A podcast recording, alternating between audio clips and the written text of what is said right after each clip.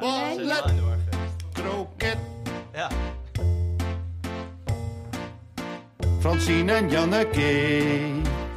Over al die dingen die zo lekker en zo leuk zijn. Ballet, kroket, culinaire zaligheden. Culturele wetenswaardigheden en ook nog met live publiek erbij. Al die leuke fijne dingen vanuit Studio Kookhaven. Ballet, kroket, ballet, kroket, ballet, kroket. Welkom, lieve luisteraars, thuis, onderweg of waar je ook bent als je naar ons luistert.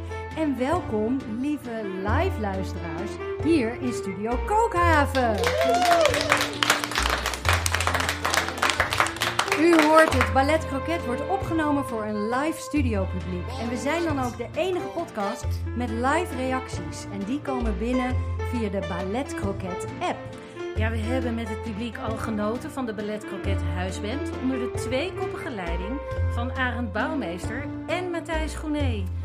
Ja, zij geven ons altijd vlak voor de opname een privéconcert. Dit is hem dan, Francine, aflevering 5 van Ballet Croquet. Wat gaan we doen? We gaan het hebben over dingen die het leven leuk en lekker maken, waarmee je het leven kunt vieren, versieren en verdiepen. Wij doen daar samen eigenlijk al 25 jaar onderzoek naar, Janneke. We kennen elkaar van ons werk op redacties voor Kunststof, voor Manjaren op Radio 1. En wat blijkt, al die onderwerpen kun je plaatsen op de lijn van ballet tot kroket. Janneke, waar zit jij vanavond op die lijn? Ja, je zou het niet verwachten, maar ik eh, begin vandaag helemaal bij ballet. Oké, Ja, oké. heel ballet. En Mhm. jij? Ik zit er tussenin. Ik heb een mix. Een mix eh, van ballet en kroket. Ach, zo heb ik ze het liefst.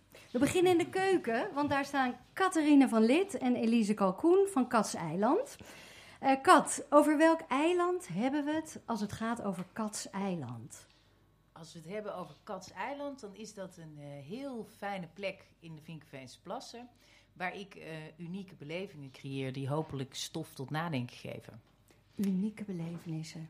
Ja, Ja, dat, eh, daar kunnen we eventjes op kouwen.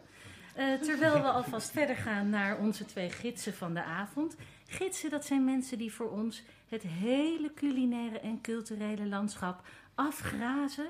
En dan vertellen over wat zij daar deze week uit willen lichten. Helena Hilgerdenaar. Je werkt bij de NTR-redactie Verdiepende Kunst. Wat heb je mee?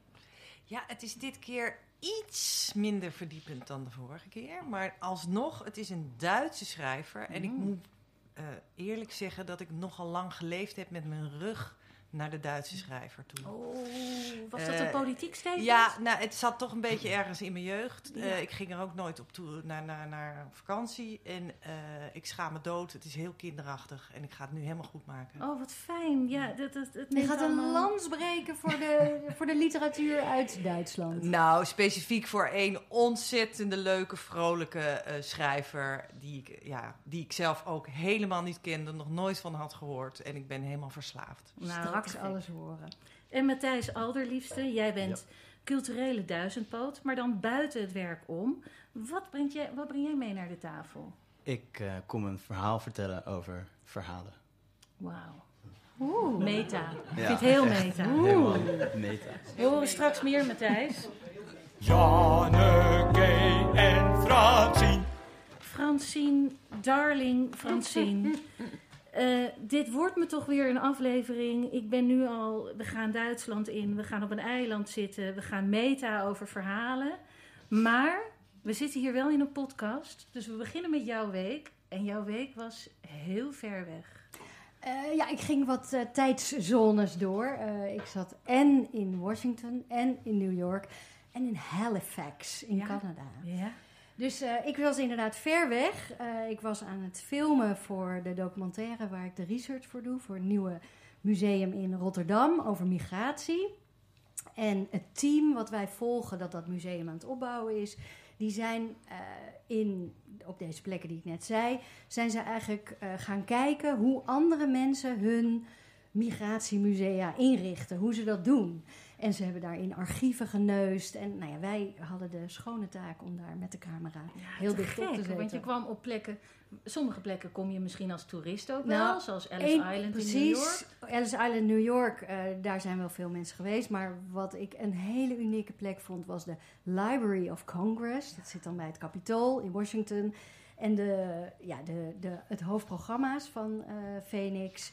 Zij eh, had eigenlijk vanuit Rotterdam, achter haar computer, had ze allerlei zoekopdrachten gegeven voor foto's. Die bijvoorbeeld in New York Times rond het eh, thema migratie eh, verschenen zijn door de jaren heen, maar niet gedigitaliseerd. Dus dat was een hele idiote zoektocht die zij achter de computer probeerde te doen.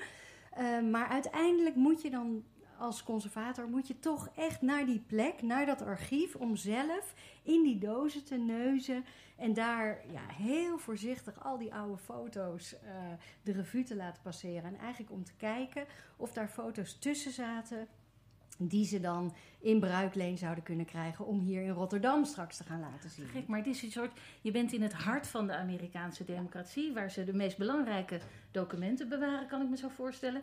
Zij mochten er al nauwelijks Nee, meer willen. Het was ook Francine Knorringa met Nee, nee, grote nee. camera. Ja, het was werkelijk eh, het aantal toestemmingen dat je nodig hebt om daar te mogen filmen.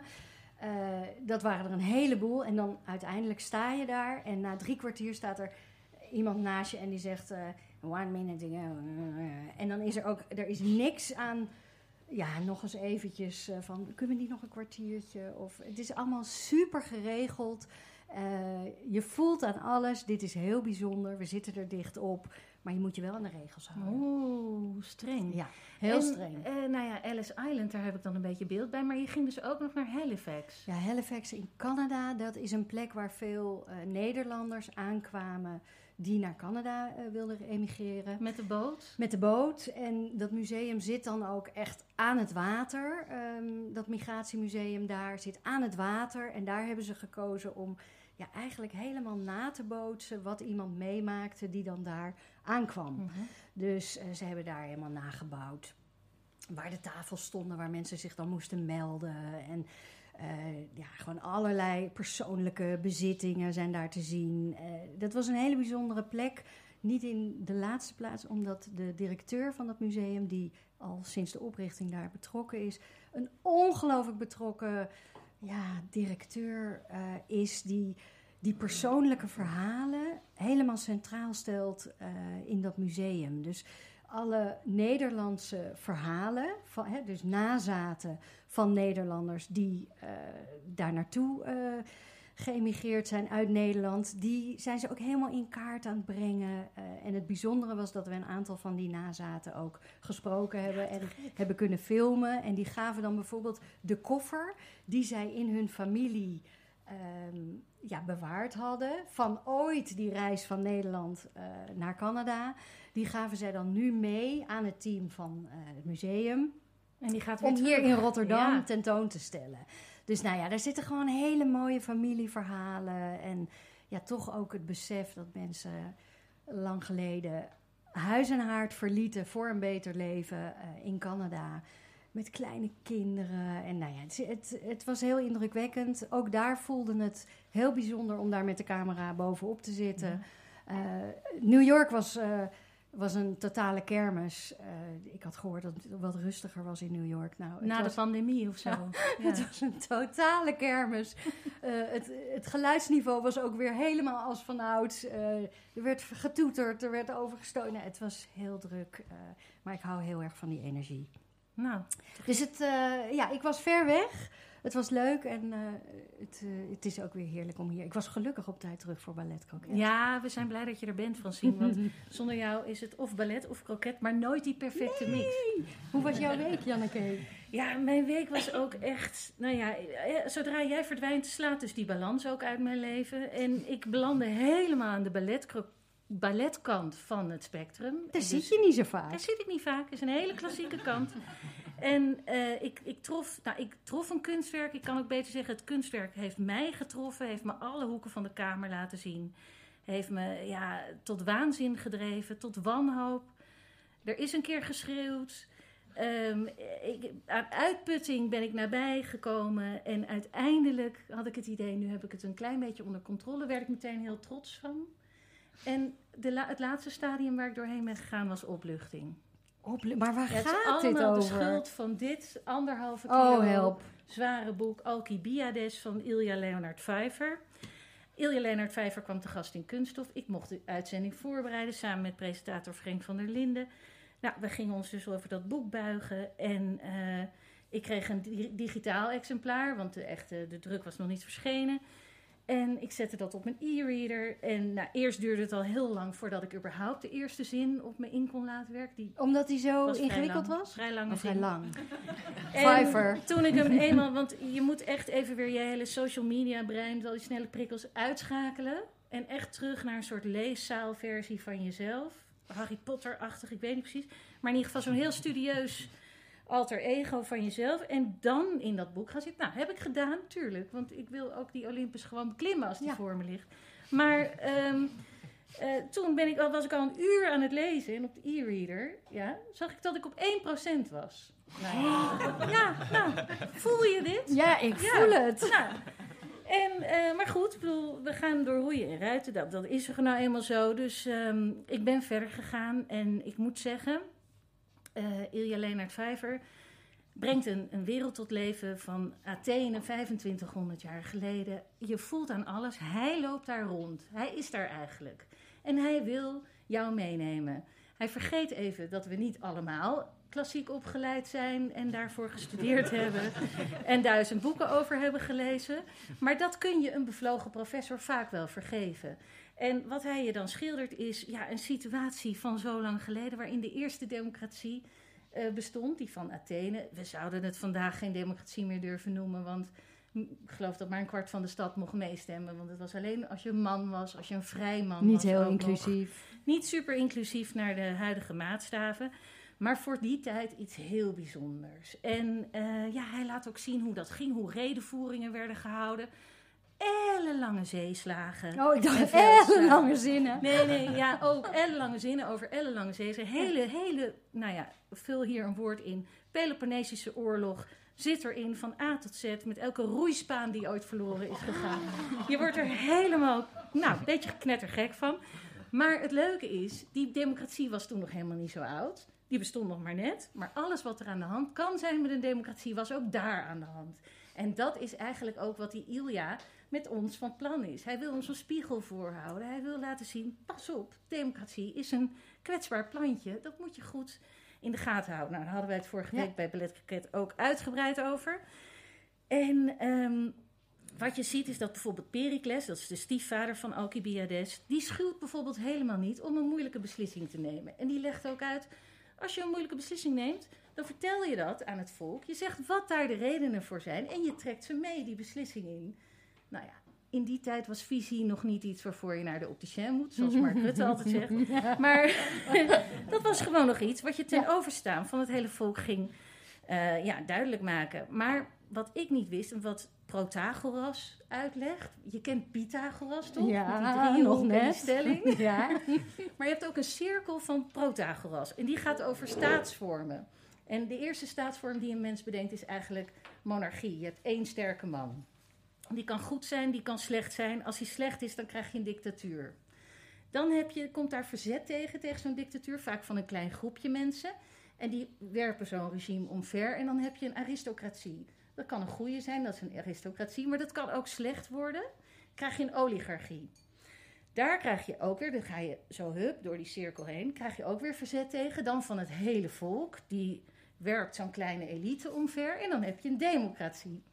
Maar Ilja zegt, wij zien dat als een lijn en democratie is het eindpunt. Daar wil je, daar wil je komen. Maar ook democratie kan in een negatieve versie van zichzelf eh, terechtkomen. En dan heet het ochlocratie. Ik ben opeens... Nee. Nee. Maar ik ben opeens heel bang wat het einde van dit verhaal gaat zijn. Ja, Namelijk we zitten dicht bij die ochlocratie. in Nederland. Ja, want eh, visie, dat is iets waarvoor je naar de opticien moet. Ja. Moeilijke beslissingen, niemand durft ze meer uit te leggen. Er worden eerst er wordt onvrede gezaaid en dat wordt vervolgens gemarket en daar worden hele partijen voor bedacht. En dat gebeurt hier bij ons in Nederland, maar dat gebeurt ja, waar jij net Ja. was in de VS, dat gebeurt overal. Oh, dus nou. we moeten... Maar even, Ja, eh, een, een, een flink, lijvig, zwaar boek, lange zinnen, prachtig onderwerp. mhm. Vind je het een aanrader? Nou, het is... Er zijn 50.000 exemplaren van gedrukt voor de eerste druk. En dat is tegenwoordig voor een boek mega. Ik denk dat ze allemaal verkocht gaan worden. Maar gelezen misschien toch echt alleen maar door... Ja, Mensen die het voor hun werk hele doen. lieve gymnasiasten. Ja. Ja. En redacteuren. En redacteuren natuurlijk, dat is net zoiets. Ach ja, wat doe je er allemaal mee? Nou, wie het eh, wil proberen, die kan dus eh, naar de boekhandel. Eh, zeg nog één keer de titel Alcibiades. van Ilja Leonard Pfeiffer. Wat komt nu? Wat komt nu?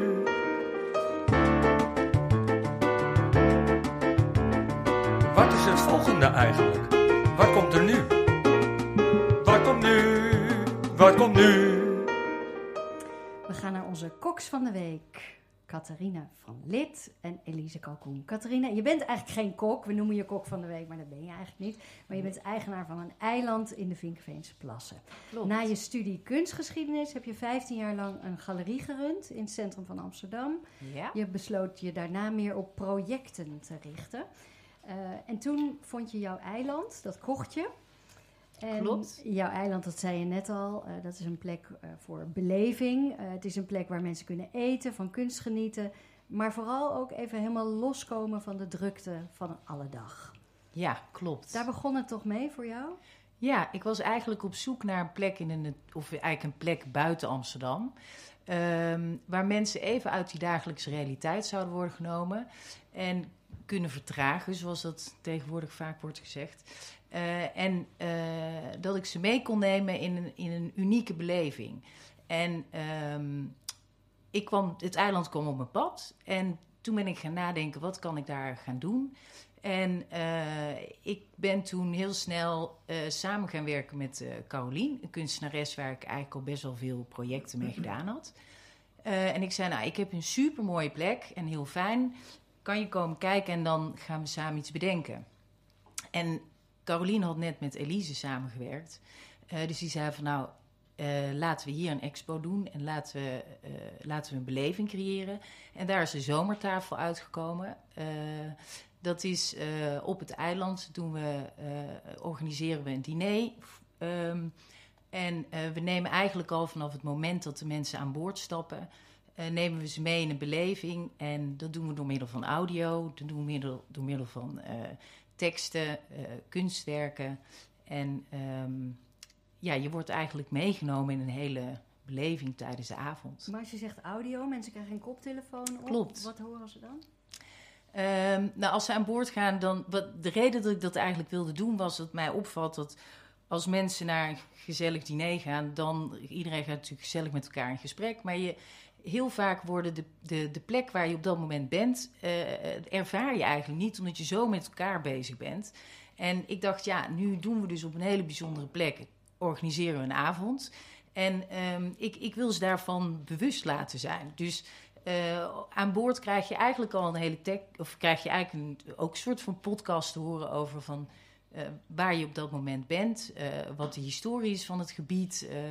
En eh, het is eigenlijk heel leuk, want alle mensen aan boord eh, hebben dus op dat moment echt een moment zelf. Ehm, en als ze aan, op het eiland aankomen, hebben ze eigenlijk al een gezamenlijke beleving en een gezamenlijke ervaring gehad. En zijn ze altijd heel erg verrast van, jeetje, ik ben hier al honderd keer geweest en ik heb nooit geweten dat dit eh, er allemaal was en hoe dit in elkaar zat.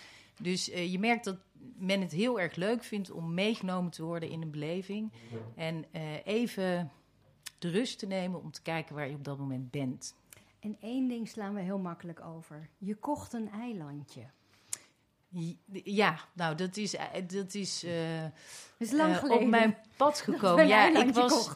Eh, eigenlijk was ik, ik... Ik heb heel lang een bed and breakfast in Amsterdam gehad. En ik werd altijd heel blij van alle mensen die van over de hele wereld bij mij thuis kwamen. Ehm, en ik miste dat heel erg. Ik woon inmiddels in Opkoude en dat is een hele fijne plek. eh, maar natuurlijk veel meer landelijk en in de natuur.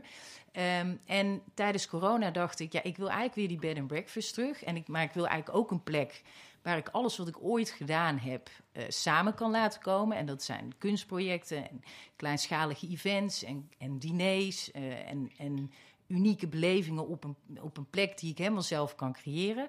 Ehm, en met dat in gedachten fietste ik eigenlijk de hele tijd door de omgeving van Apkoude. eh, of met de hond te wandelen. En uiteindelijk ehm, vond ik niet echt iets. En eh, eh, ik ben toen bij vrienden geweest die hadden een eiland. En die zeiden: joh, daar moet je helemaal niet aan beginnen. Iedereen wil een eiland, helemaal na corona. Er zijn echt 2000 mensen op de wachtlijst. En er is maar één makelaar. En ik heb die toch gemaild. En ehm, het geval was dat eh, ik was weliswaar nummer 2000 zoveel.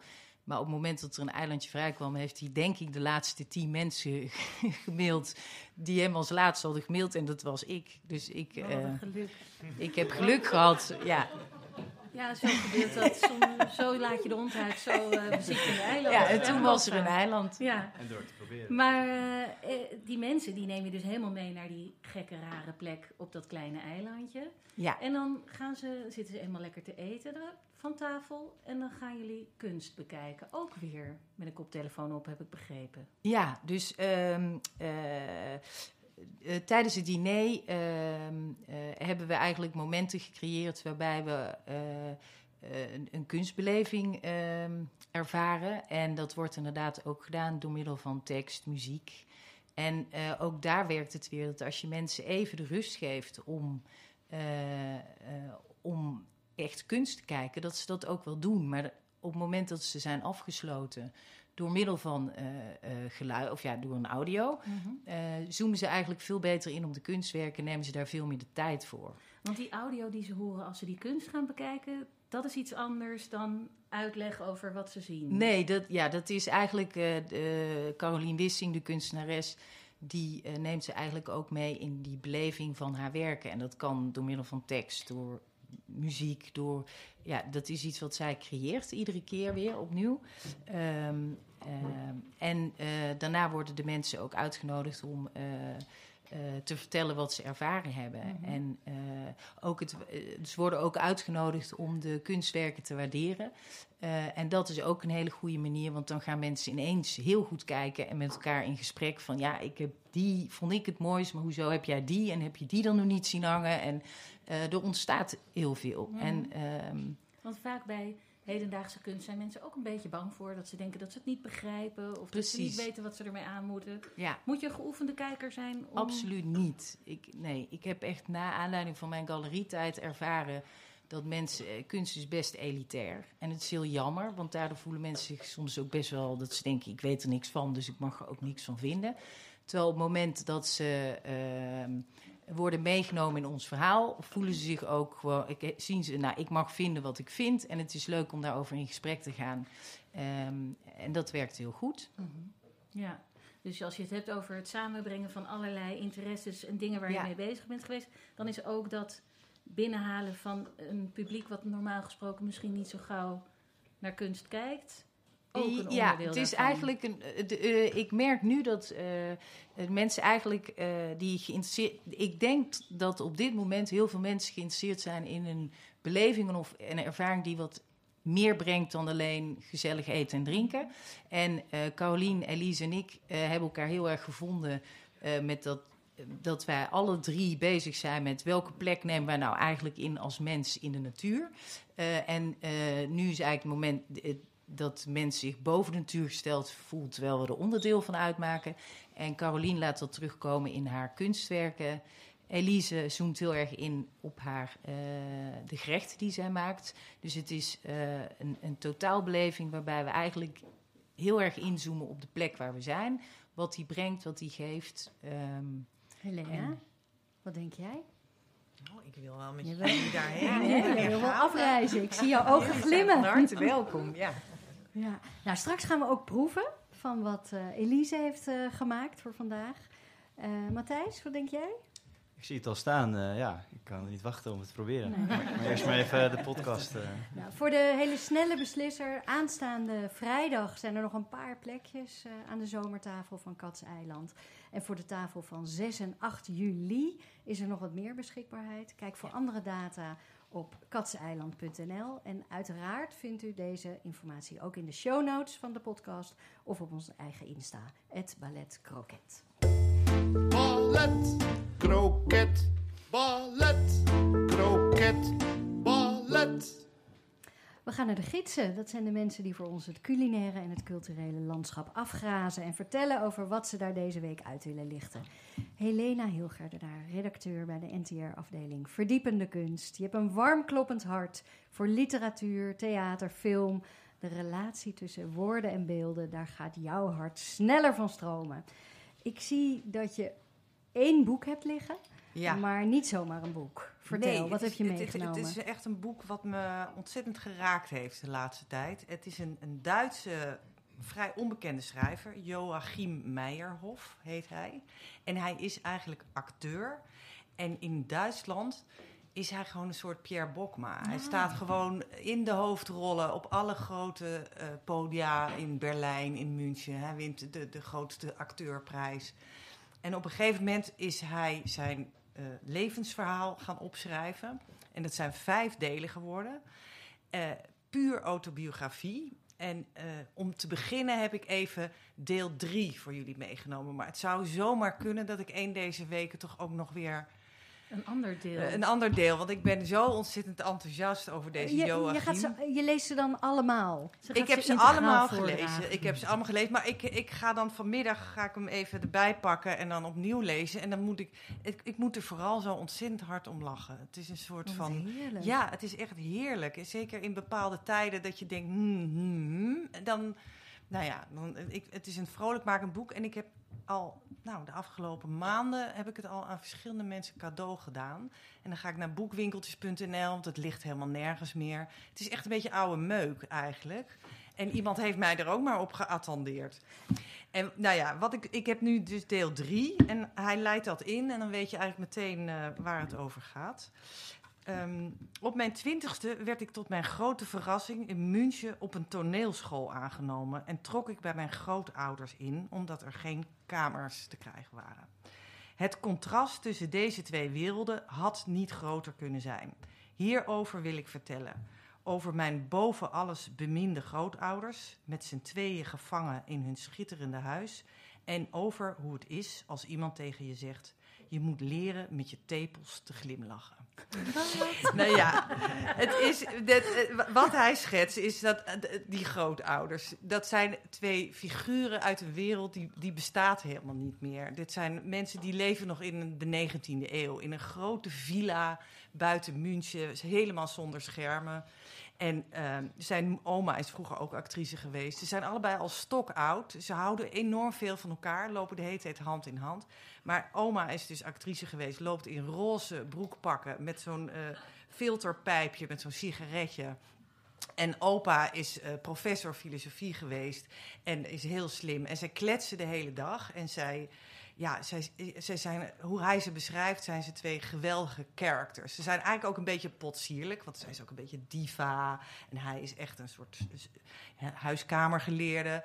Maar hoe, hoe warm zij zijn en hoe ze hem opvangen na weer een dag toneelschool... waar hij eigenlijk totaal niet past, dat is echt ongelooflijk aandoenlijk en grappig hoe hij ze beschrijft. Want eh, hun leven bestaat, wordt helemaal via eh, alcoholische rituelen wordt dat leven geleefd. Dus zij worden 's ochtends wakker en zij nemen hun eerste 15 pillen. Ze zijn echt, ze zijn al bijna 90. Nemen zij met een glas champagne. Slokken ze die eerste 15 pillen. Nou, dan hebben ze een soort ontbijt. De, ja, al- huisgemaakte jam en, en toast. Ze hebben ook een huishoudster die alles voor ze doet. Het is echt een totaal andere wereld. Die, die, die bestaat gewoon niet meer. En nou ja, dan gaat het gewoon van een warme lunch met witte wijn door naar de, naar de, naar de whisky om vijf uur. Nou goed, deze jongen van twintig, een enorme sportfanaat, weet niet wat hij wil worden, komt op die toneelschool in München. En past daar totaal niet, kan daar helemaal niks van en moet opeens ja, spraakles, stemles, eh, nou ja, aikido, schermen, dat gaat hem dan nog wel goed af. En ja, met allemaal hele wilde, typisch sexy meisjes. Het is jaren tachtig, het is punk. En die twee, zeg maar, totaal contrasterende werelden naast elkaar leveren een, een, ja, ja, een geweldige sfeer op. Natuurlijk is het ook helemaal de tijd van de Me Too, hè, de jaren tachtig. Ik Maar dacht, ik lees la even lettre dan, avant la lettre. Even kijken. Toen hier. mocht je gewoon nog van alles als man. Ja, nou ja, hij beschrijft dus briljant al die soorten leraren die hij heeft. En eh, zijn medeleerlingen. Op iedereen is hij verliefd. Het zijn allemaal hele leuke meisjes natuurlijk. Eh, nou ja, het is ook wel iets waar ik heel erg van kan genieten. Het zou ook kunnen dat andere mensen hier dan weer wat Ja, minder maar mee dat is dan hebben. jammer maar voor die andere dat is mensen. dan Jij jammer voor die andere mensen. Het is heel makkelijk toegankelijk geschreven en een soort van Engelse tong in cheek zit erin. Goed, even één klein stukje over de, de, de, een van de docenten. Dramalessen kregen we van een geelgerookte oud 68er... die alleen oog had voor mijn vrouwelijke klasgenoten. Twee uur per week zaten we rond een tafel... en in die tijd keurde hij mij en mijn mannelijke klasgenoten geen blik waardig. Alsof zijn ogen meededen aan een concours hippiek... sprongen ze een heel jaar lang vlak over mijn hoofd heen. Zijn kennis, die hij ongetwijfeld had, benutte hij uitsluitend om met de vrouwen aan te pappen. Agnes en hij raakten tijdens deze lessen in eindeloze vakinhoudelijke discussies verzeild. Dan ging het over Shakespeare en Tsjechov, maar eigenlijk zat hij alleen maar op te scheppen. Maakte aan de lopende band toespelingen op seks. Hij liet geen gelegenheid voorbij gaan om zijn handen op die van de vrouwelijke leerlingen te leggen en ze vervolgens niet meer los te laten. Na een jaar hadden alle vier de vrouwen tijdens zijn lessen hun stoel een halve meter naar achteren geschoven. Hij was een briljante grijpgraag. Als hij een grap maakte, lachte hij zelf het hardst. Maar dat was alleen een excuus om zijn hand op de schouder van een vrouw te leggen of om tot dieper gelegen regionen door te dringen. Ik volgde het met grote belangstelling. Het stond me tegen en tegelijk imponeerde zijn vrij, vrijpostigheid me. Zijn gelach bood zijn handen vuurdekking en hop, daar hadden ze weer een dij veroverd. Nou ja, dat is maar één, één van, die, Ja. van, die, van die vreemde figuren op die school. Maar wat een observator Ja. is deze Ja, man. ja het is, het is je bent nu heel al niet meer alleen, gedetailleerd. want ik wil het ja, ook het is heel, heel goed gedaan. Nou goed, het is een soort van ja, ode aan die, aan die lieve grootouders. En een krankzinnig verslag van drie jaar op een toneelschool in de jaren tachtig in Duitsland. En eh, nou ja, eh, En die, andere humor, delen. Want ja, je denkt aan veel dingen bij Duitsland, Ja, bij München. nou, het is echt- Humor is niet één van die dingen. Nee, precies. Ik maak nu mee dus dat mijn man ook alle delen leest... en s'avonds laat naast mij echt ligt te proesten weer van het lachen. En eh, nou, dat heb ik echt lang niet meegemaakt met een boek. Nou, Dus, Helena, dit is weer een, een toptip. Joachim Meijer. Ja, Joachim Meijerhof, de boeken liggen in Ja. de boekhandel of zijn Nee, te ja, of, bestellen. of- ja, ja. En, de, en de titel van deze is Ach, deze leegte, deze verschrikkelijke leegte. En dat is ook helemaal niet aantrekkelijk als je er langs loopt in een winkel. Nee. Maar elke Duitser weet, dat is een citaat uit Goethe. En dat gaat eigenlijk over hoogromantische gevoelens. Maar ja, weet je, het lijkt misschien highbrow, maar je, je, je, je flitst er zo in. ja, het is eigenlijk meer kroket dan Het is eigenlijk meer kroket dan ballet. ja, Och, ja, jongens. zalig. Ongelooflijk. Wat komt het allemaal weer bij elkaar. En ook zo dicht bij elkaar. Prachtig. Eh, Dingen met dik. Dingen met dik. Dingen met dik. Dingen met dik. Dingen met dik. Dingen met dik.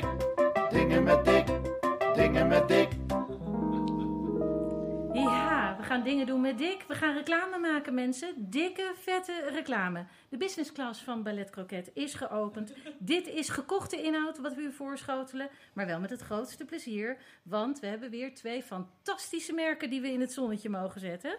We beginnen met Dick Hermit Gin. Dat hebben we in ons glaasje. Dat hebben we van jou gekregen. Met wat voor water wordt het ook alweer gemaakt? Ja, maar Janneke, zie je al die glimlachende gezichten om. Ik zie iedereen... Oh, duimen! Hè? Er zijn, gaan zelfs er zijn- duimen Er zijn hier. duimen, er- wordt genoten. En ik, ik wou daar toch eerst even dat, dat dankzij hun met eh, de glimlachgarantie zo langzamerhand echt doorbreekt zonder dat de mensen het van tevoren weten. Ik weet, het CBS heeft die glimlachgarantie nog steeds op 99% Ja, staan. ja. Maar kan ieder moment hè, richting die 100 kruipen, heb ik nu het gevoel. Dat, dat, maar dat Dick, zit eraan Dick, te komen. wat is het? Dit is een, eh, een gin, jongens, gemaakt. Het is ongelooflijk met Oosterscheldewater. Ja, Oosterscheldewater, zeewater. Er Oh, zit een, zit een tipje zeewater in. En, en, en, en zeewater. eh, reinigt de mond, zet de smaakpapillen open en is verfrissend in de nasmaak. Ja, prachtig poëtisch. Maar scheppen ze dat zo uit die Oosterschelde? Nee, het is natuurlijk gezuiverd door zandlagen die, eh, die, die, die, die de Oosterschelde rijk is, de bodem daarvan. Hè? Ja, de bodem. En dat, gaat dan, dat zinkt dan naar een bron. En dat wordt opgepompt van 70 meter diepte van onder de Oosterschelde. Wordt verder niks aan toegevoegd, wordt niks afgehaald. En wordt gedoseerd in de gin gestopt. Maar Dick, ik bedoel, corrigeer me als ik het verkeerd heb. Maar gin maken met zilt water is toch helemaal niet gebruikelijk? Dat was de kracht van Hermit. Hè? De, de Hermit staat voor kraker. Hè? Dat, het, het Hermit kreefje. Hermit. Oh, het Hermit kreefje. Ja. wat op het logo staat. En zij hebben als het ware de leidingen van de, van de, van de destillerij gekraakt. Ja, zo Met- zijn ze, hè, die ze, kreeften. Hou zijn ze in de gaten. Ja, want Ja. niemand wil dat toch door zijn leidingen laten lopen. Dat Niemand wil dat, want dan krijg je, dan krijg je toch echt... Eh, dat, dat, dat, dat, dat, dat gaat niet. Dat gaat met water, dat En gaat toen? met stoom. Speciale leiding aangelegd. Ja. Nee, speciaal voor Herman. Speciaal voor Hermit. En Vlaardingen. Ja, het is ongelooflijk. En het, het wordt steeds ongelofelijker dat Ja. wij dit allemaal in zo'n prachtig glas geserveerd hebben Ja, ja, ja, met maar ook niet... zeekraal. Ja. Met zeekraal. Want Zeekraal dat is dan de verrassing, zeekraal. Eh, in principe eh, hoort, eh, als er veel ijs in het glas zit, de grapefruit rechtop te staan. En die symboliseert de ondergaande zon. Dit is voor het eerst dat ik dat ook nog hoor. Er gaat ook nog een zon onder. Het is, Ja, jeetje, is- we zijn pas halverwege de ja, podcast, maar ik voel soort- dit is het hoogtepunt. Dat is een soort vakantiebeleving, dat- die kennen ze weergaan niet. Oh, oh, En, oh. en, en dan die zeekraal. Als, als jullie dus, ik weet niet of jullie dat gedaan hebben, maar als jullie op de zeekraal bijten, dan kom je weer terug in de zee. Oh. Ja, Dick, Ja. die, nu krijg ik het, Het is ook een- even het te kwaad. het is een volledige Zit ik hier beleving. dus met twee huilende types? Ja. Ja. Het is reclame, hè? Ja, en het, is, en het is glimlach gerelateerd. Hè, Ja, het is glimlach gerelateerd, Ja. maar het is ook, Tranen van het is ook met tranen. Ja, Ja, het het is gewoon het is heel complex. maar is dit dan de perfect serve, zoals ze dat noemen? Deze mogen wij de perfect serve noemen. Ja. Dit is de, de, de eerste versie en dat is ook meteen de beste. En dat wil dus zeggen de perfecte mix van Ja, die de- gin. De gin, de Maar- tonic de, en, de, en de tonic is heel belangrijk. En dat moet ik erbij vermelden. Je kan er niet zomaar een Indian tonic bij gooien. Hoezo? Eh, hoezo? Dat is een goede vraag. Eh, Eh, het is namelijk als volgt. De Mediterranean tonic is zachter, heeft, heeft een, een mooiere afdronk, is niet hard. En dat proef je ook aan de gin, ook als je hem puur zou drinken. Maar dat doen we nu niet, maar dat kan. Want deze Ja. gin is zo zacht dat je hem zelfs puur kan dus je moet hem eigenlijk niet verpesten met de verkeerde tonic. Nee, dan krijg je echt, eh, dan krijg je echt een Ja, dat is volledige hier niet mismatch. gebeurd. Nou, dit is Nee. de, de aardige mensen van Fever Tree hebben die Mediterranean tonic eh, gemaakt. Ja, speciaal eh, voor de perfect serve. ja, hè. voor Dat de En even, hè, want ik heb het nog nooit eerder in de winkel gezien. Waar kan ik het krijgen? Is het moeilijk? Is het heel bijzonder? Nou, het is in iedere eh, horeca groothandel eh, verkrijgbaar, Ja. maar sinds kort, en nou sinds kort, sinds een maand, ook bij onze Albert Heijn, zeg ik al, Gal en Gal. En eh, nou, ik zei de vorige keer geloof ik 155, maar het is nu het is nog meer. Het is nu 250 ja, ja, Gal maar en dat Gals is sinds door het hele land. Hè? Ja. maar ook sinds Ballet ja, door het hele land. Het wordt als een razende verkocht. Je weet Ja. niet meer waar. waar Waar het wil, nog even. Nee, en, dat en is- nog even, de bron is droog. Hè? Dan hebben we Dat geen is wel een goede waarschuwing meer. voor merken die overwegen om te adverteren. Ja, dat is niet te doen. Ja, Ja. het kan Zorg hard dat je je gaan. voorraden op orde Het kan Ja. hard Want- gaan. Ja, het kan, het kan Gaat daarna hard gaan. keihard. Ja. Mooi. Dus we hebben Hermit Gin, verkrijgbaar bij de Gal en Gal. Bij Ja. een heleboel Gal en Gals. Wilde Ja. je nog iets zeggen? Ja, waar drinken we die? Waar, waar drinken we dat Nou nu? ja, daar gaat het eventjes om. We komen nu aan bij merk 2, Francine.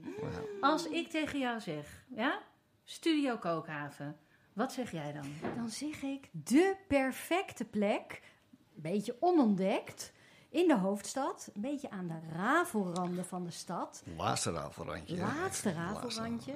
S'avonds niet betaald parkeren. Zo. Ik bedoel, dat lijkt uur, onbelangrijk, maar als je een feestje geeft, Dan is kan het je toch het maar beter heel gratis doen, welkom. hè? Precies. Dat is Studio Kookhaven. Ja, wat kun je hier niet? Je kan hier Uitspatten? boekpresentaties houden, uitspatten. Je kan Culinaire uitspattingen en ook je eigen culinaire uitspattingen. Als je nou denkt, ik wil zelf een keer koken of ik, eh, of ik, eh, Ik ken een leuke cateraar en ik, wil- ik wil dat die het doet. Dan doet hij Dat dat kan toch lekker. nergens. Nee, Maar jij nee. hebt zelf toch ook een stalletje van eh cateraars? Ja, dus ik heb een stalletje en daar kunnen we uit kiezen. Maar als mensen het beter weten, mag dat ook. Ja, dat vind Want- ik nou zo leuk van jou. Ja, je eh, mag wij het doen in- beter weten. Ja, we doen maar niet Ja. moeilijk. Dat Nee. is het beste. Ik doe alleen moeilijk als ik het niet leuk vind. Dan Ja, jij, oh ja, want eh, hoe dat- gaat het als mensen willen? Nou, dan, dan wil ik wel graag dat ze zich even via mij aanmelden. Ik heb ook een kaartjes liggen. Ik heb ook een telefoonnummer. Het staat ook via Ballet Coquette. En dan krijg je mij in een lijn. En dan gaan we bespreken wat je dan leuk zou vinden om te doen. En eh, En kan En je dan ze dan ook een beetje helpen? ik kan ze enorm goed eh, helpen van de wal in de sloot of andersom. Ik Ja. heb ook het idee dat jij dan de eenkoppige jury bent die Ja. beslist of het leuk is. Wat Ja, er gaat ja, gebeuren. ja, ik, ga, Ja. ik ga dan beslissen of, het- of het leuk genoeg is Ja, voor en dat hier. zie je eigenlijk terug in de beschikbaarheid in de Ja, agenda. ja, ja. Want Zo, als zo, iets niet leuk is, dan blijkt het vaak ook al volgeboekt ja, dan, zijn, dan, ja, dan is het over het algemeen is het volgeboekt met leuke dingen. Ja, Ja. maar als je er dan doorheen komt bij Dick, Zo, dan ben je, dan ben je, dan ben je dan ben je binnen. Dan kun Dan je ben je los. binnen. binnen. Dan ben je binnen. Dat is dus Kookhaven aan de Diemerzeedijk. Ja. En eh, En via Ballet Croquet. eh, kun je daar alles over Kook- lezen. Kookhaven.nl eh, schijnt de website te zijn. Ik weet niet of die nog helemaal goed is, maar dat komt binnenkort Nee, weer maar goed. Joh, de mensen weten je Ja, te vinden is, via de eh, digitale snelweg, via de sociale media en eh, via ons natuurlijk gewoon Ballet Croquet. Ehm Hermit Gin is verkrijgbaar bij Gal en Gal. Wilt u ook uw bedrijfsresultaat hup strak de hemel insturen en adverteren in Ballet Croquet? Stuur dan een mail naar alles@balletcroquet.nl. Dingen met dik, dingen met dik, dingen met dik. En we zijn bij onze gids Matthijs Alderliefste. Jouw dayjob heeft helemaal niets met cultuur te maken, maar in je vrije tijd ben je een duizendpoot. Je bent singer-songwriter, dus een singer en een songwriter. Je bent organisator van een cultureel open podium met allerlei avonden in Café de Fifth in Amsterdam-Oost.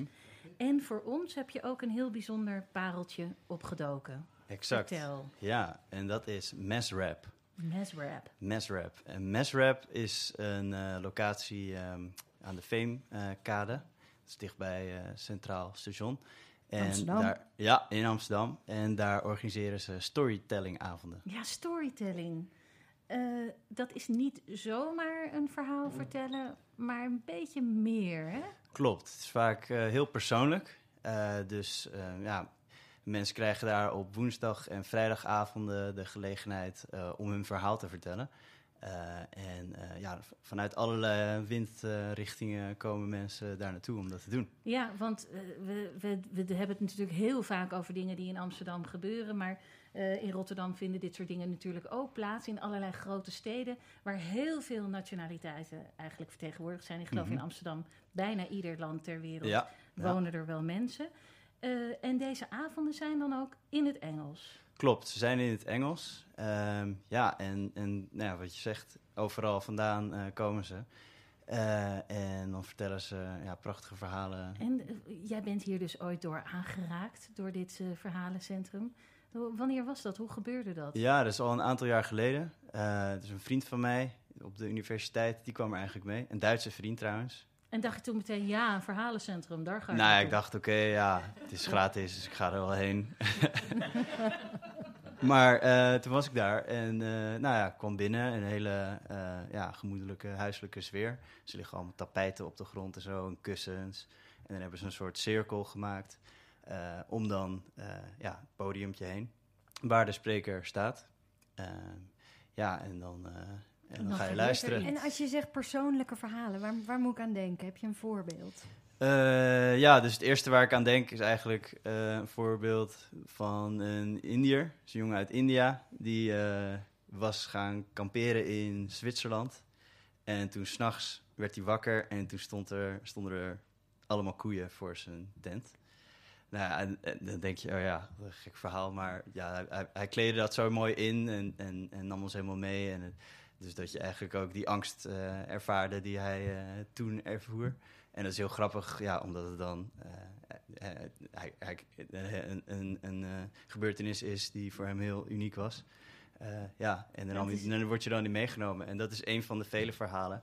Want er zijn heel veel, ja, heel veel van dit soort verhalen. En die ook, en dit is dan een grappig verhaal, maar er zitten ook hele emotionele verhalen bij. En, Ja, het is eigenlijk al een emotioneel gegeven, want jij en ik zijn allebei gisteravond ook geweest. Hè? Toen Ja. ervaren vertellers eh, nieuw materiaal gingen uitproberen. Klopt. En eh, het maakt eigenlijk niet uit of daar een heel ervaren iemand staat, denk ik. Of iemand die het voor het eerste verhaal vertelt. Het feit dat iemand daar in zijn eentje gaat staan en zomaar iets gaat vertellen, maakt die persoon zo kwetsbaar en betrekt je als publiek Exact. ja. meteen als een soort. Oh, gebeurde dat ook? Word je als publiek, eh, Ja. eh, part- moet je Je wil participeren? dat het lukt. Je wil oh, je dat wil het dat het lukt Ja. Voor je wil, diegene. je wil Precies. mee met diegene. eh, maar je wil ook dat hij eh, dat hij lekker kan blijven vertellen. Want het ergste wat natuurlijk kan gebeuren in zo'n, op zo'n moment is dat je je heel erg bewust wordt van: Oh god, is mijn verhaal Mhm. wel eh, belangrijk genoeg? Zou ik wel eens wat meer mogen hebben zelf. Maar je wil niet dat dat gebeurt met iemand die een verhaal aan het vertellen is aan een publiek. En eh, ja, dat maakt je als publiek er helemaal bij, hè? Exact, ja. Je zit er helemaal in. Ja. En, Maar eh, lijkt het ja. een beetje op eh, Echt Gebeurd van Paulien Cornelissen? Want Ja. daar doet het me aan denken. Maar daar oefenen ze eerst. Hè? Dus mensen die echt nog nooit een verhaal voor een Ja. publiek hebben verteld... Echt gebeurt Die is ook krijgen- zo'n verhalen krijgen middag. eigenlijk een, een soort van middag een, een les. En dat vond ik er zo sympathiek aan. Is dat Ja. hier ook? Ja, mensen worden wel ook begeleid, ja. Ja, dus in principe is het een open podium, dus iedereen mag zijn verhaal doen. Maar ja, er wordt natuurlijk eerst in opgegeven en dan wordt even En is het dan van, per het thema dat je dan eh, de ene avond verhalen hebt, eh, vakantieverhalen, kan ik me zo Eh, voorstellen met, met zo'n tent? Of, nee, er of, zit of niet is het echt alles een, door een elkaar? thema in. Nee, dat doen ze bij Echt is, Gebeurd wel. Hè? ja. Daar groeperen ze het altijd rondom een thema. Maar dit is gewoon, als je verhaal goed is, kun je het gaan vertellen. En eh, het leuke aan Echt Gebeurd is, dat is in het Nederlands, is voor een Nederlands publiek. Maar dit is heel internationaal. En dit is, eh, ja, de, de eerste spreekster kwam uit New York. Die vertelt in vloeiend eh, Engels een heel, best wel ingewikkeld verhaal met veel perspectieven. De tweede spreekster kwam uit Moskou. Die vertelt ook in het Engels haar verhaal over hoe ze naar, naar Amsterdam is gekomen ooit. Ja, met een heel dik Russisch accent en met woorden waarvan je echt goed moet nadenken. Wat bedoelt ze hier nu precies? Maar dat verhaal was eigenlijk zo kwetsbaar en Mhm. mooi. Ja, Daar ging het over eh, eenzaamheid, eh, Ja. vergankelijkheid. Ja, dus waar we gisteren, eh, toevallig uh, gisteren hebben ze een nieuwe avond waar eigenlijk sprekers die eerder al verhalen hebben verteld, die het vaker doen, ja, experimenteel materiaal konden gaan testen. Mhm. Ehm, en inderdaad, ja, nou ja, dus deze verhalen waren ook iets langer. Ehm, en zij vertelde ja, eigenlijk over haar komst in Amsterdam. Dus ehm, waarom kwam ze hier? Eh, en, eh, Voor de liefde. Ik wil dat wel vast even weg. Ja, Ze kwam voor de liefde. Voor de liefde, inderdaad. Ja. En eh, nou ja, ze vertelde dus ook heel openhartig. Hè, wat- nou ja, misschien wat kwetsbaarheden waar je voor zou kunnen schamen. Dus Mhm. het feit dat ze heel veel eh, verzamelt thuis. Ja. Moeilijk vindt om dingen weg te gooien. Ehm, ja, nou, en dan vertelt ze eh, dat ze eh, eh, geheugendozen ging maken. Hè, dus waar ze alle spulletjes in ging doen. Ja. Eh, ja, dat was een heel leuk detail. Ze had een hele doos met herinneringen, allerlei kleine knick-knack snoeppapiertjes. Allemaal van die liefde. Ja. Maar ze eindigde met... Ja, eigenlijk ben ik die hele doos alleen maar begonnen... omdat ik die doos zelf zo mooi vond en niet weg wilde gooien. Ja. Ach ja. En het publiek is dus heel internationaal, zeg je. Het ging ook over... eh, ja, er werd eigenlijk ook naar Nederland gekeken. Ehm, ja, ja, dat zie je wel terugkomen inderdaad. Omdat, omdat veel mensen, ja, dus echt, ja, veel Midden-Oosten ook, eh, veel mensen. Maar ja, Rusland, ja, eh, eh, Oost-Europa, ja, overal echt vandaan. Ehm, en eh, ja, dus die, die, die, zie je, die zie je allemaal terug. Ja, nou, ehm, meer informatie over deze verhalenavonden en andere culturele bijeenkomsten vindt u op mesrap.nl. Ai. Wie is de kok? Laat mij eens spreken met de chef. Ai. Waar is de kok gebleven, chef? Ai. Waar ben je nu? Laat mij eens spreken met de chef. Ai. Wie is de kok? Wie is de kok? Ai. Nou, wie is de kok? De kok van de week is Elise Kalkoen. En we kennen je ook onder jouw bedrijfsnaam Lady Turkey. Precies. Fantastisch. Daar ben je ook onder die naam op Instagram te vinden, Lady Turkey Food. Jij kookt op Katse Eiland, dat fantastische eilandje waar we net over hoorden. Je hebt je eigen cateringbedrijf. Je deed ooit mee aan Masterchef. Klopt. En je hebt ook aan een versie daarvan meegedaan, Master Barbecue, op een culinair evenement. Klopt. En eh, daar heb je allerlei brede en bebaarde mannen ver achter je gelaten. Die lagen huilend tussen de ja, opgebrande kooltjes. Want jij eh, versloeg ze allemaal. En nu kook je dus ook op Kats Eiland, waar helemaal niets is inderdaad. Hoe kook je op een eiland zonder voorzieningen zoals ach, stromend water, elektriciteit? Ja, dat is altijd een uitdaging. Het is heel veel voorbereiden, heel veel sjouwen op een heel klein bootje. En dus op vuur koken. Mhm. Ja, en misschien de, de, de luisteraars zien jou niet. Maar je, bent, je ziet er niet uit alsof je heel veel grote spullen sjouwt. maar je kwam hier daadwerkelijk binnen met een hele grote toren van eh serviesgoed en een eh, krat met eten. Dus eh, je bent niet voor een kleintje verveerd. Maar eh, even kijken. Eh jij hebt ook een bepaalde visie op koken en eten. Ja, Het dat is niet klopt. zomaar wat, wat je doet. Nou, dankjewel. Ehm ik wil heel graag in ieder geval mensen wat ook beter naar de natuur laten kijken. Dat is ook waarom ik graag met kat werk. Ik vind dat de verbinding... Wij vinden onszelf heel erg boven de voedselketen en boven het, het leven staan. En om daar iets meer op in te zoomen en beter te kijken naar, naar je omgeving. Dus ook Mhm. naar je eten en wat je eet.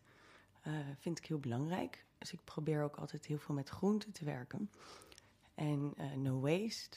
En te kijken naar hoe ver ik dat, ja, hoe, hoe, dat, hoe ik dat ook maar kan doen. Want het is echt altijd een leerproces. Ik kan En- niet alles doen. Precies, en dan de ingrediënten van dichtbij. Precies, dichtbij, seizoensgebonden, milieu, biodiversiteit. Allemaal De voor mij heel mogen- belangrijk. de smaken mogen bij jou van ver weg komen. Ja, Ingrediënten van dichtbij. dat is de bedoeling. Ja, en nou staat er werkelijk iets voor ons. Zo elegant krijgen we ze maar weinig. Het is Dankjewel. een heel mooi glaasje op een voetje. eh, een groene basis. We horen zo van jou wat het is. Ja. Eh, iets is ook ingevroren, kleine bloemknopjes. ehm, maar ook een klein dierlijk elementje. Zeker. En Dat is de rivierkreeft. om te eten. Ja. De De rivierkreeft. Dat is Eh. eigenlijk een hele boze exoot. Ja, dat zijn hele agressieve diertjes. Die zijn hier op een gegeven moment van Amerika naartoe gekomen en die nemen nu alle wateren over, waaronder die in Amsterdam. En eh, Ja, Ja. die verstoren daar het, eh, het ecosysteem, hè? zeker. En eh, ik geloof dat ze ook schade aan de wal aanrichten en allerlei nare dingen op hun geweten hebben. Klopt. Dus in de pan ermee. In de pan ermee, heel veel van eten. Maar dat is dus eigenlijk heel duurzaam, heel goed om deze op te eten. Ja, Oké. Nou, daar gaat ze hoor. Mm. Hup, daar gaat hij. Ja, wat heb je gedaan met dat rivierkreefje? ja ik heb eh, me laten inspireren door eh, Mexico. Daar hebben ze een gerecht dat heet aguachile. Normaal heb je daar eh, g- rauwe gamba's in, want die komen daar veel voor. In een pikante salsa verde. Dus nu hebben we rivierkreefjes, dus de meest lokale gamba die er is. In een salsa verde, dat is een beetje, ja, het is een beetje ceviche-achtig. En die is gemaakt met brandnetel. Die groeien hier over aan de bermen. Ja. oh jeetje. En eh, zijn ze dan... eh, je hebt ze wel eerst gegaard, die kreefjes? Of? Ik heb ze wel eerst gegaard. Want ja. in Je- ceviche gaat het soms ook rauw. Ja, die kun je ook, je kan ze ook rauw eten. Maar ik vond voor, eh, ja, je- Voor ballet kroket neem je geen enkel risico. Nee, dat Precies. Nee, dat snap ik. Nee, ja, we hebben die verantwoordelijkheid dat we er volgende week weer zitten. Dus dat snap ik. En eh, er zitten wat eh, botanische elementen ook in. Brandnetel noemde je al. Een klein Ja. bloemknopje. En wat is dat schijfje? Oh, ik heb verschillende radijzen meegenomen, Oh. omdat dat nu helemaal het seizoen is. Dus er- Verschillende radijzen. Je hebt dus Ja. niet alleen dat kleine rode radijsje. Nee, Want die Precies. grote witte is ook, dat grote witte ja, is, blad ook is ook radijs. ja, het is allemaal verschillende soorten radijs. Mm. Er zijn er enorm veel en ze zijn ook allemaal heel lekker. Dus dat is Ja, en ze hebben niet dat scherpe. wat, eh, precies, ze zijn minder hebben. Matthijs, jij zat je al de hele opname te eh, verheugen op dit gerechtje. Ja. Wat doet het met je? Ja, heerlijk. Het gaat, eh, ik, ben, ik voel het ook heel goed eh, om zo'n agressief beest op te eten. Ja, hè? En, ja. Ja, en dat is bijna gek om te zeggen. Ja. Dat het goed voelt om een dier te eten. Nee, maar precies. Nu mag het even. Nu mag het gewoon. even. Het is voor een goed doel. Precies, pak hem aan. Ja, Helena, ik zie jou ook glimmend knikken. Ja, want het is heel erg. Wij, wij gaan, gingen altijd bij eh, mijn schoonmoeder gingen we zwemmen op ook een landje ergens in Nederland. Eh, maar de, de kreeften vliegen je om de oren en niemand durft meer het water in. Nee. Eh, en ja, ik dacht ook al van waarom. Maar ik begreep dat ze ook een beetje half beschermd waren, maar dat dat helemaal niet meer klopt. Want ze eten alles en iedereen op. Ja.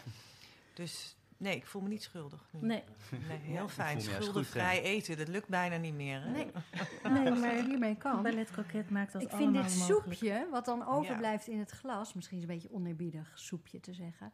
Dressing. eh, Je hebt het al gezegd, eh Ik heb het Claudia. gedaan, ja. Eh, dit soepje Niet is heel delicaat. Ja. Echt Dankjewel. lekker. De Fris, beetje zuurig, heel lekker. Elise eh Kalkoen, je hebt ons echt iets heel bijzonders voorgeschoteld. En eh, dat kunnen we eigenlijk wel van al onze gasten zeggen, Nou, Francine. zeker. We zijn overal geweest. En het is een, een, een opname geweest vol verhalen, verhalen over verhalen. Op eilandjes, in het oude Athene. Zijn we geweest. Daar hebben ze humor. Wie wist dat? Wij niet. Nu wel. De natuur zat overal prachtig in verweven. Eh, Francine, zeg nou nog eens eventjes dat lekkere slokje. Ik zeg toch nog een keer soepje. Precies de goede mix tussen zuurig, frissig ja, en een hele groene smaak. Heel. Dit was de vijfde aflevering van Ballet Croquet. We danken onze gasten Katrien van Lid, Elise Kalkoen, Matthijs Alderliefste en Helena Heelgerdenaar. Grote dank en een extra groot hartje aan de technicus Jolijn Landheer.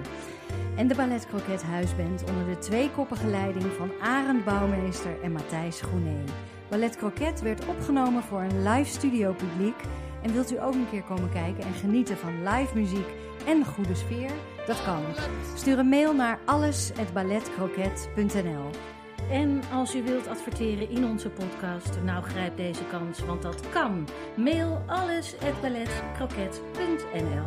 Met grote dank aan de meest gastvrije Fries van Amsterdam, Dick Verweda van Studio Kookhaven. Wij gaan weer grazen. Tot volgende week. En onthoud, alles is ballet croquet.